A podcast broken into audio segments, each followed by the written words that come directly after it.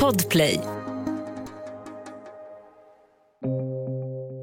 Almedalsveckan i Visby kallas för demokratins mecka och innebär en unik möjlighet för vanligt folk att träffa Sveriges viktigaste makthavare. Men nu har en tragedi inträffat mitt på dagen i folkvimlet. En kvinna har knivhuggits men ingen vet än hur allvarligt det är. Eh, och kort efter, bara minuter efter att det hade hänt så kunde polisen gripa en man. Mia Sture, verksamhetsledare för Almedalsveckan, är en av dem som måste hantera situationen. Jag känner mig tom, jag känner mig väldigt, väldigt ledsen. Borde resten av veckan ställas in av säkerhetsskäl? Då, då verkligen kände jag, ja det kunde ha varit jag. Behöver alla de som finns i centrala Visby inrymmas? Det blev ju väldigt felriktat, den här gärningen naturligtvis. Och kan det här vara en koordinerad terrorattack med fler gärningsmän än den 32-årige man som just gripits? Du lyssnar på Jag var där sommarspecial med mig Andreas Utterström och Lisa Wallström. Nytt avsnitt varje onsdag om du inte lyssnar i Podplay-appen. Där finns hela säsongen redan nu, helt gratis. I tre delar ska vi berätta om mordet i Almedalen. Det här är avsnitt två. Paniken efteråt.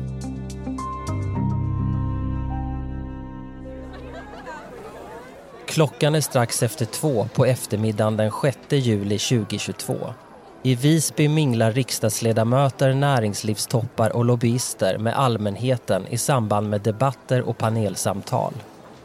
Laxsnittar och rosévin fungerar som socialt smörjmedel och på ytan är allt precis som vanligt för de allra flesta besökare. Men skenet bedrar.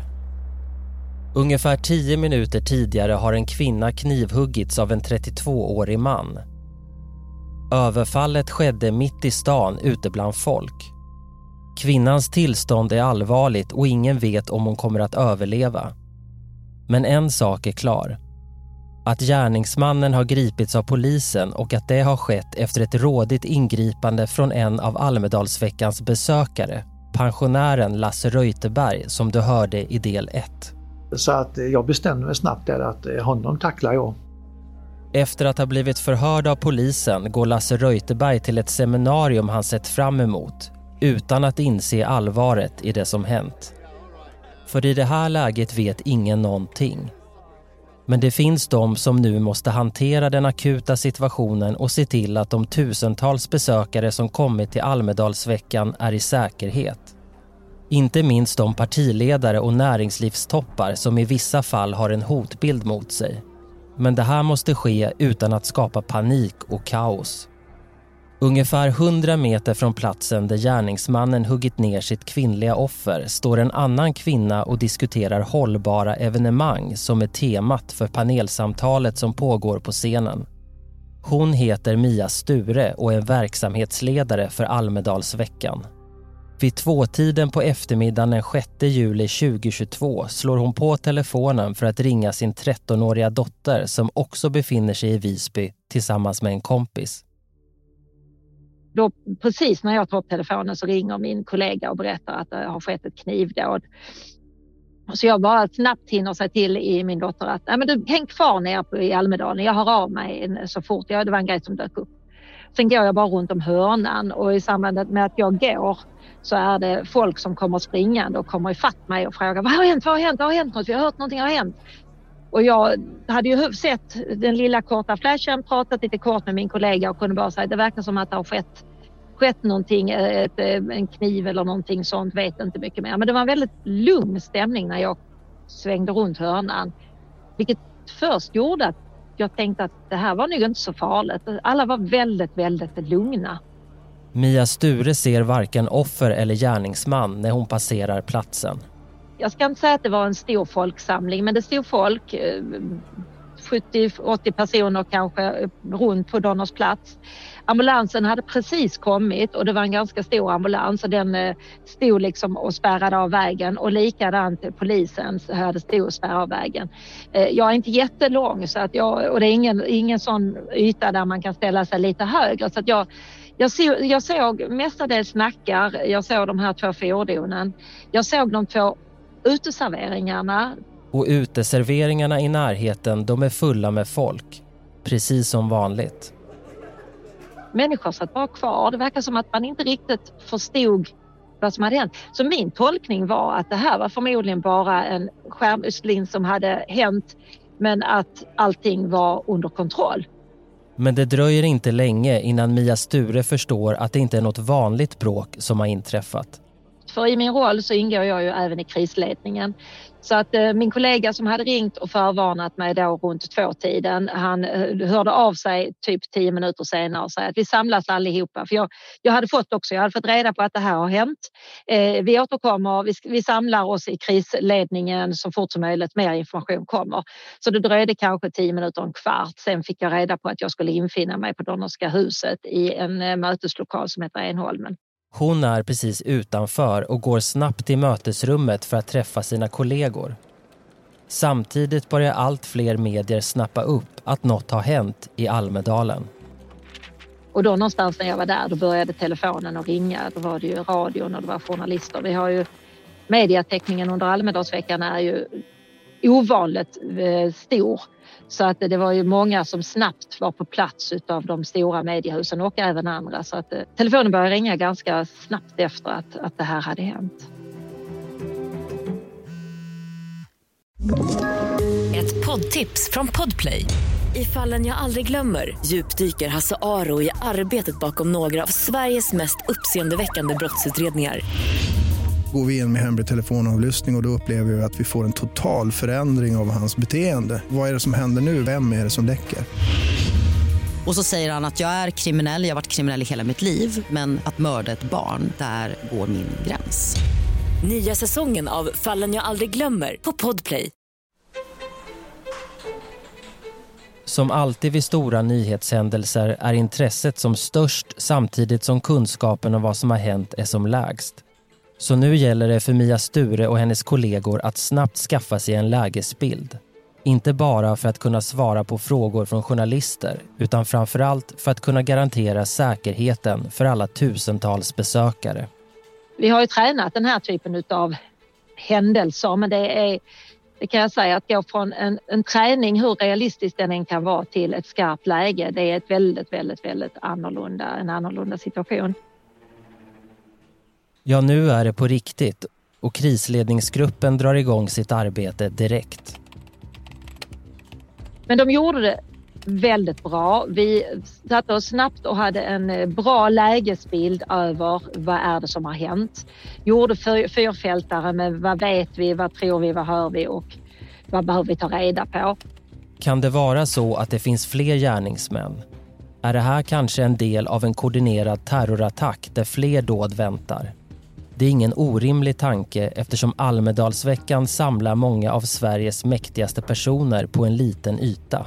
På en ö i en stad omgiven av en ringmur. Den farhågan fanns ju med men eh, min minnesbild är, och den kan vara eh, efterkonstruktion, det var att vi fick, vi fick inga signaler från polisen att det skulle finnas fler gärningsmän eller fler eh, tilltänkta offer. Alltså det var ju sen eh, långt efteråt i förhören som vi förstod omfattningen vad det kunde ha blivit. Men det, det, det, kom inte ut någon sån information och eftersom det så rådigt skedde ett ingripande så att gärningsmannen faktiskt togs på plats så tror jag det också var någonting som gjorde att den rädslan kring själva händelsen, den, den gick att komma över och ersätta som sorg istället.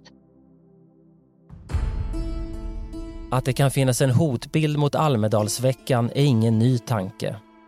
Författaren Erik Levin har till och med skrivit romanen Almedalen har fallit. I boken slår beväpnade terrorister till i Visby och tar tusentals människor som gisslan. Bland dem näringslivstoppar, statsministern och överbefälhavaren. Men Mia Sture låter inte sina tankar skena iväg. Nej, det gjorde jag faktiskt inte och jag kan bara som kuriosa säga att jag läste den boken precis när jag hade fått jobbet som, som verksamhetsledare till Almedalsveckan. Den gav många tankar kan jag säga. Romaner är en sak. Nu är det verklighet och då gäller det framför allt att ha ordning och reda. Att veta vem som ska göra vad och det tycker Mia Sture att hon och kollegorna lyckas med. Inte minst för att krisledningsgruppen består av mellan fem och tio personer som känner varandra väl. Vår beredskap och säkerhetsgrupp eh, inom regionen är professionella och kan de här frågorna, var väldigt strukturerade. Vi jobbar mycket med logik, eh, la känslorna lite åt sidan och, och tittar mycket på de här. Det här vet vi, det här, det här behöver vi ta reda på. Så, så det gavs inte utrymme till några, alltså att det skulle skena iväg någonting. Plus att, att vi hade tät, tät, tät dialog med polisen vilket gjorde att vi fick uppdatering hela tiden och eftersom de inte gav oss någon anledning till att gripas av panik så det fanns ingenting sånt. Så någonstans det här att vi kunde, att alla ställde upp och, och räckte upp en hand. Det var inte så vem ska ta det utan alla, jag, jag hör av mig till kyrkan, jag gör det här, jag pratar med den. Och sånt kan man öva. Men det är först i det skarpa läget som du ser att det faktiskt sitter i ryggmärgen och det gjorde det.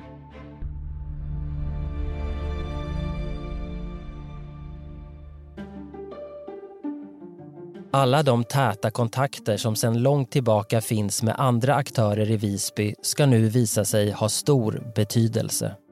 Fördelen med den här typen av organisation som vi har är ju att vi jobbar väldigt nära exempelvis polisen, eh, kyrkan, frivillighetsorganisationerna så att vi har en väldigt tät och nära kontakt. Så att bilden blev klar förhållandevis snabbt vad det var som hade hänt. Jag tror att säga att det tog kanske en halvtimme, tre kvart innan vi hade lägesbilden klar för oss och då hade vi också en tydlig jag ska säga, vi hade, vi hade tagit fram vad, vad vet vi, vad kan vi gå ut med?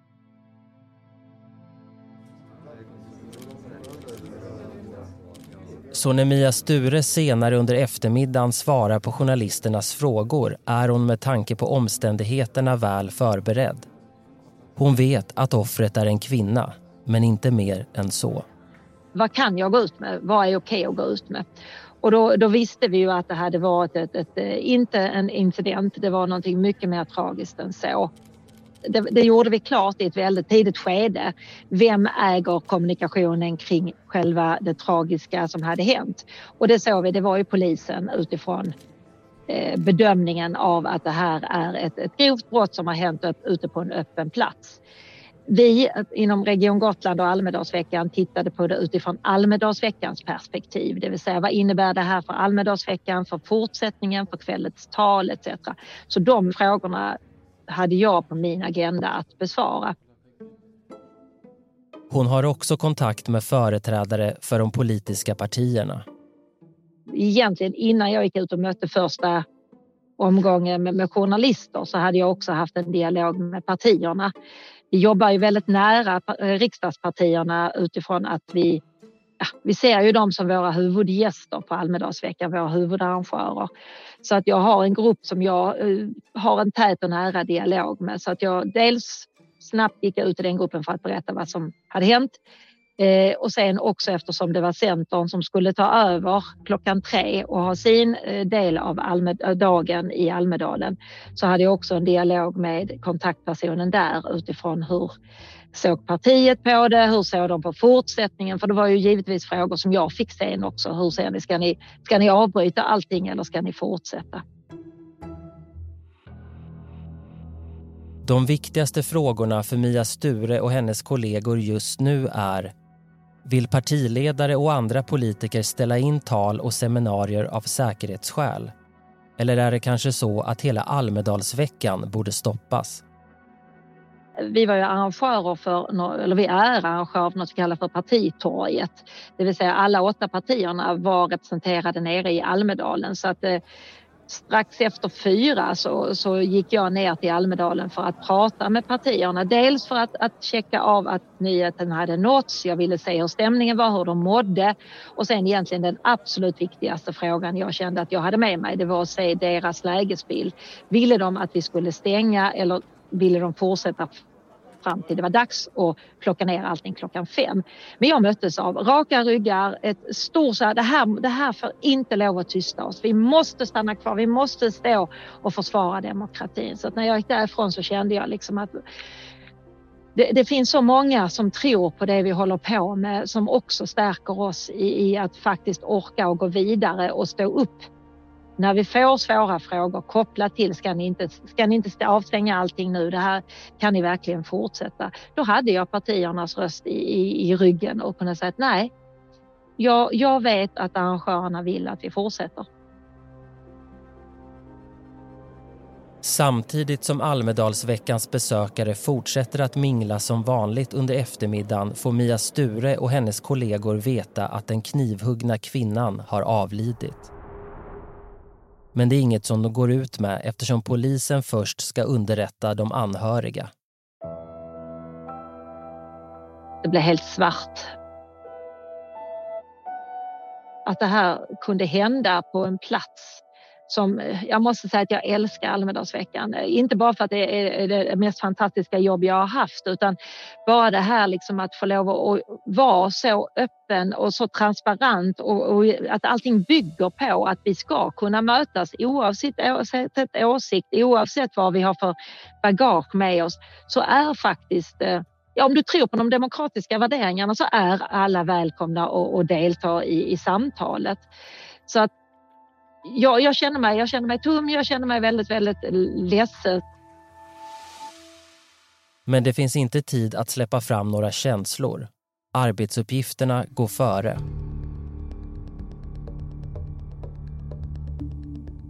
Samtidigt så, jag kan säga jag har hört intervjuer av mig själv under, som, som jag gjorde under den eftermiddagen och kvällen och jag känner faktiskt inte igen min röst. Den är, den är inte alls så som jag upplever att den är i vanliga fall. Och visst, jag, jag är inte säker på att jag kan säga att jag var inte i någon chock, men jag gick in i ett annat mood då. Eh, väldigt, väldigt fokuserad. Under eftermiddagen har Mia Sture sms-kontakt med sin 13-åriga dotter som är ute på stan i Visby tillsammans med en kompis. Men jag ville inte berätta för henne vad som hade hänt i ett sms och jag hade inte tid att ringa. Så det är väl det jag känner efteråt att där kanske jag skulle ju agerat lite annorlunda men, men hon, de var uppe på stan och de, eh, ja, jag uppmanade dem gå och ta lite, lite glass där och äta en lunch där och så där. Så jag försökte aktivera henne med hjälp av sms och säga att jag är snart klar, jag är snart klar. Till slut får Mia Sture en lucka och kan träffa dottern och hennes kompis. Hon berättar vad som hänt och skickar sen hem tjejerna. Men sin man glömmer hon att ringa till mellan fyra och fem någonstans får ett samtal hemifrån av min man som ringer och är jätteskärrad och, och frågar om jag mår bra. Och jag bara, det är klart att jag mår bra. Jag läste om det fruktansvärda som hände. Ja, ja, ja, det är fruktansvärt. Ja, men det kunde ju vara du. Och jag bara, ja, det kunde ju varit jag. Jag tänkte inte ens den tanken. Det var liksom, då kände jag för första gången liksom hur, vad ska jag säga, då, då, då brast det lite. Alltså det här när man går in i, i det här, vad ska man säga, mer, mer målfokuserade modet. Då, då verkligen kände jag, ja det kunde ha varit jag.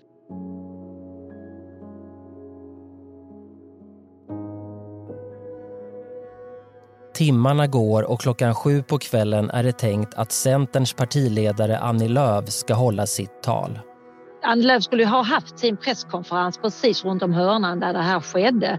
Så att de satt eh, instängda ett tag innan det var liksom klartecken på att kunna gå ut och då var det diskussion om hur de skulle göra. Men partiledningen kom tillbaka till oss och var väldigt tydliga med att säga att nej, det här får inte stoppa det demokratiska samtalet. Vi gör inga förändringar. Vi eh, kör enligt plan. Så det, och det fick vi väl reda på någon gång sådär mellan fem halv sex tror jag det var. Klockan sju på kvällen kliver en märkbart omskakad Annie Lööf ut på scenen.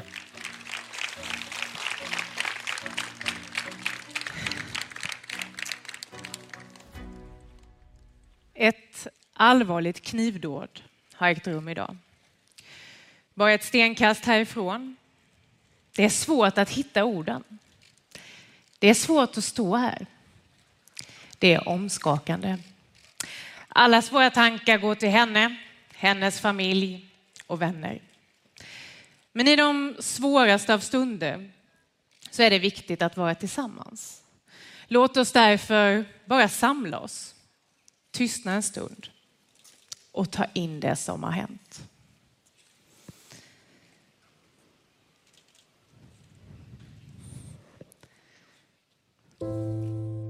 Någon gång mellan 10 och 11 på kvällen finns inte mer att göra.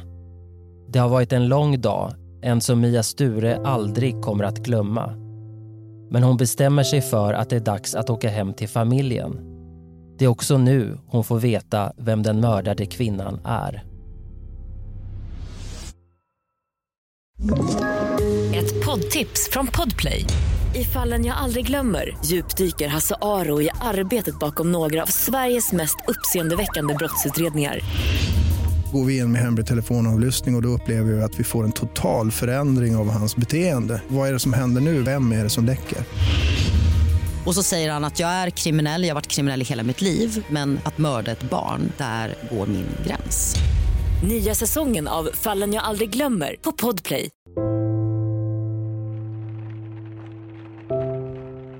Mia Sture sätter sig i bilen för att åka hem och får då beskedet om vem den mördade kvinnan är.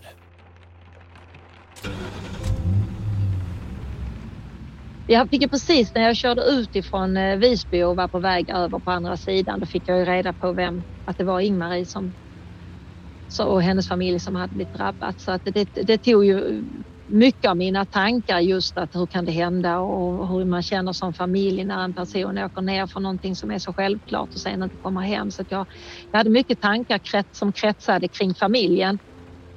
Mordoffret Ingmarie Wieselgren är nationell samordnare för psykiatrifrågor vid Sveriges kommuner och regioner. Ett tungt namn bland de som jobbar med sådana frågor. Men inte alls lika känd som många andra som står på scenen under Almedalsveckan. Ingen som haft med sig livvakter från Säpo. Så varför har just Ingmarie Wieselgren mördats? Det är en av många frågor som snurrar i Mia Stures huvud och som gör att hon har svårt att varva ner. Jag såg faktiskt Annie Lööfs tal igen bara för liksom att uppleva den där... Alltså, eftersom jag inte riktigt hade kunnat ta in det fullt ut. Så jag, jag såg faktiskt det också när jag kom hem för att kunna varva ner lite. Hon ser också tv-nyheterna. Nu är de anhöriga underrättade och medierna berättar därför att det är Ingmarie Wieselgren som mördats. Och så intervjuas många som befinner sig i Visby, som domprost Anna Lundgren, här i Expressen TV. Nej, men vi kommer ha kyrkan öppen och hit kan man ju komma. Vi har gjort ordning, vi, vi är präster och diakoner som finns på plats här. Och eh, man kan komma hit om man vill eh, prata med någon präst eller diakon, man kan eh, tända ljus, man kan söka tröst hos varandra. För jag tror att det är viktigt att man möts och att man kan få tillsammans prata om det som har hänt. Men också få vara ledsen tillsammans, få gråta tillsammans. Och, ja, men kyrkan är ett rum där det här ryms. Men Mia Sture ser också något annat där hon sitter framför tvn. Något som faktiskt ger henne tröst de satt ju Per Bolund och Annie Lööf i, i eh, eh, sändningen från Aktuellt och båda två höjde den här liksom, vi måste värna om, om den här typen av mötesplats. Och det, det gav mig en, en eh, mitt, mitt i all sorg, mitt, mitt i all chock så gav det ändå en, en, en enorm känsla av tröst att faktiskt det här är det fruktansvärda har hänt men, men det får inte liksom, jag ska inte säga att det inte får vara förgäves. Alltså det, det, det, måste ändå ta med sig någonting. Vi måste vara medvetna om att sådana här saker kan hända men det, det kan inte, får inte skrämma oss för då vinner de onda makterna över det som vi alla tar som en självklarhet. Psykiatrisamordnaren Ingmarie Wieselgren är död, bara 64 år gammal mördad mitt i Visby under Almedalsveckan. Gärningsmannen sitter inlåst i en cell i polishuset och har redan erkänt mordet. Men vad var motivet? Kände han Ingmarie Wieselgren? Eller kunde offret lika gärna ha blivit någon annan? Precis som alla andra har gärningsmannen rätt till en försvarare som kan vara med vid förhör och som ska föra hans talan i rätten. Det blir advokat Staffan Fredriksson som får den rollen. Men för den rutinerade juristen är det först inte självklart att tacka ja. Nej, det var det inte. Det kom ju ut ganska tidigt att det kanske fanns eh, nazistiska förtecken och då är det klart att eh, eftersom jag då förstås inte sympatiserar med nazister eller högerextrema organisationer på något sätt och så Så funderade jag ja, fram och tillbaka men ringde sen tillbaka till den polisen som hade hand om det och sa att, eh, att jag kunde åta mig uppdraget. Hur är det för Staffan Fredriksson att försvara en person som begått ett så fruktansvärt brott? Svaret på den frågan får du i nästa avsnitt. Det tredje och sista i vår berättelse om mordet i Almedalen 2022. Du har hört Jag var där sommarspecial med mig Andreas Utterström och Lisa Wallström. Producent Andreas Karlsson. Exekutiv producent på Podplay för den här säsongen är Victoria Rinkos. Intervjun gjordes på Beppo ljudproduktion. Jag var där är en produktion av Commercial Content för Podplay. Läs mer om commercial content på vår sajt och följ oss gärna på Instagram och LinkedIn.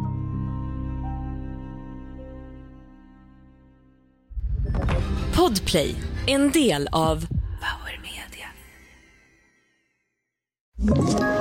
Ett poddtips från Podplay. I podden Något Kaiko garanterar östgötarna Brutti och jag, Davva, dig en stor dos skratt.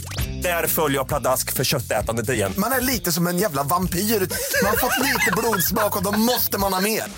Udda spaningar, fängslande anekdoter och en och annan arg rant.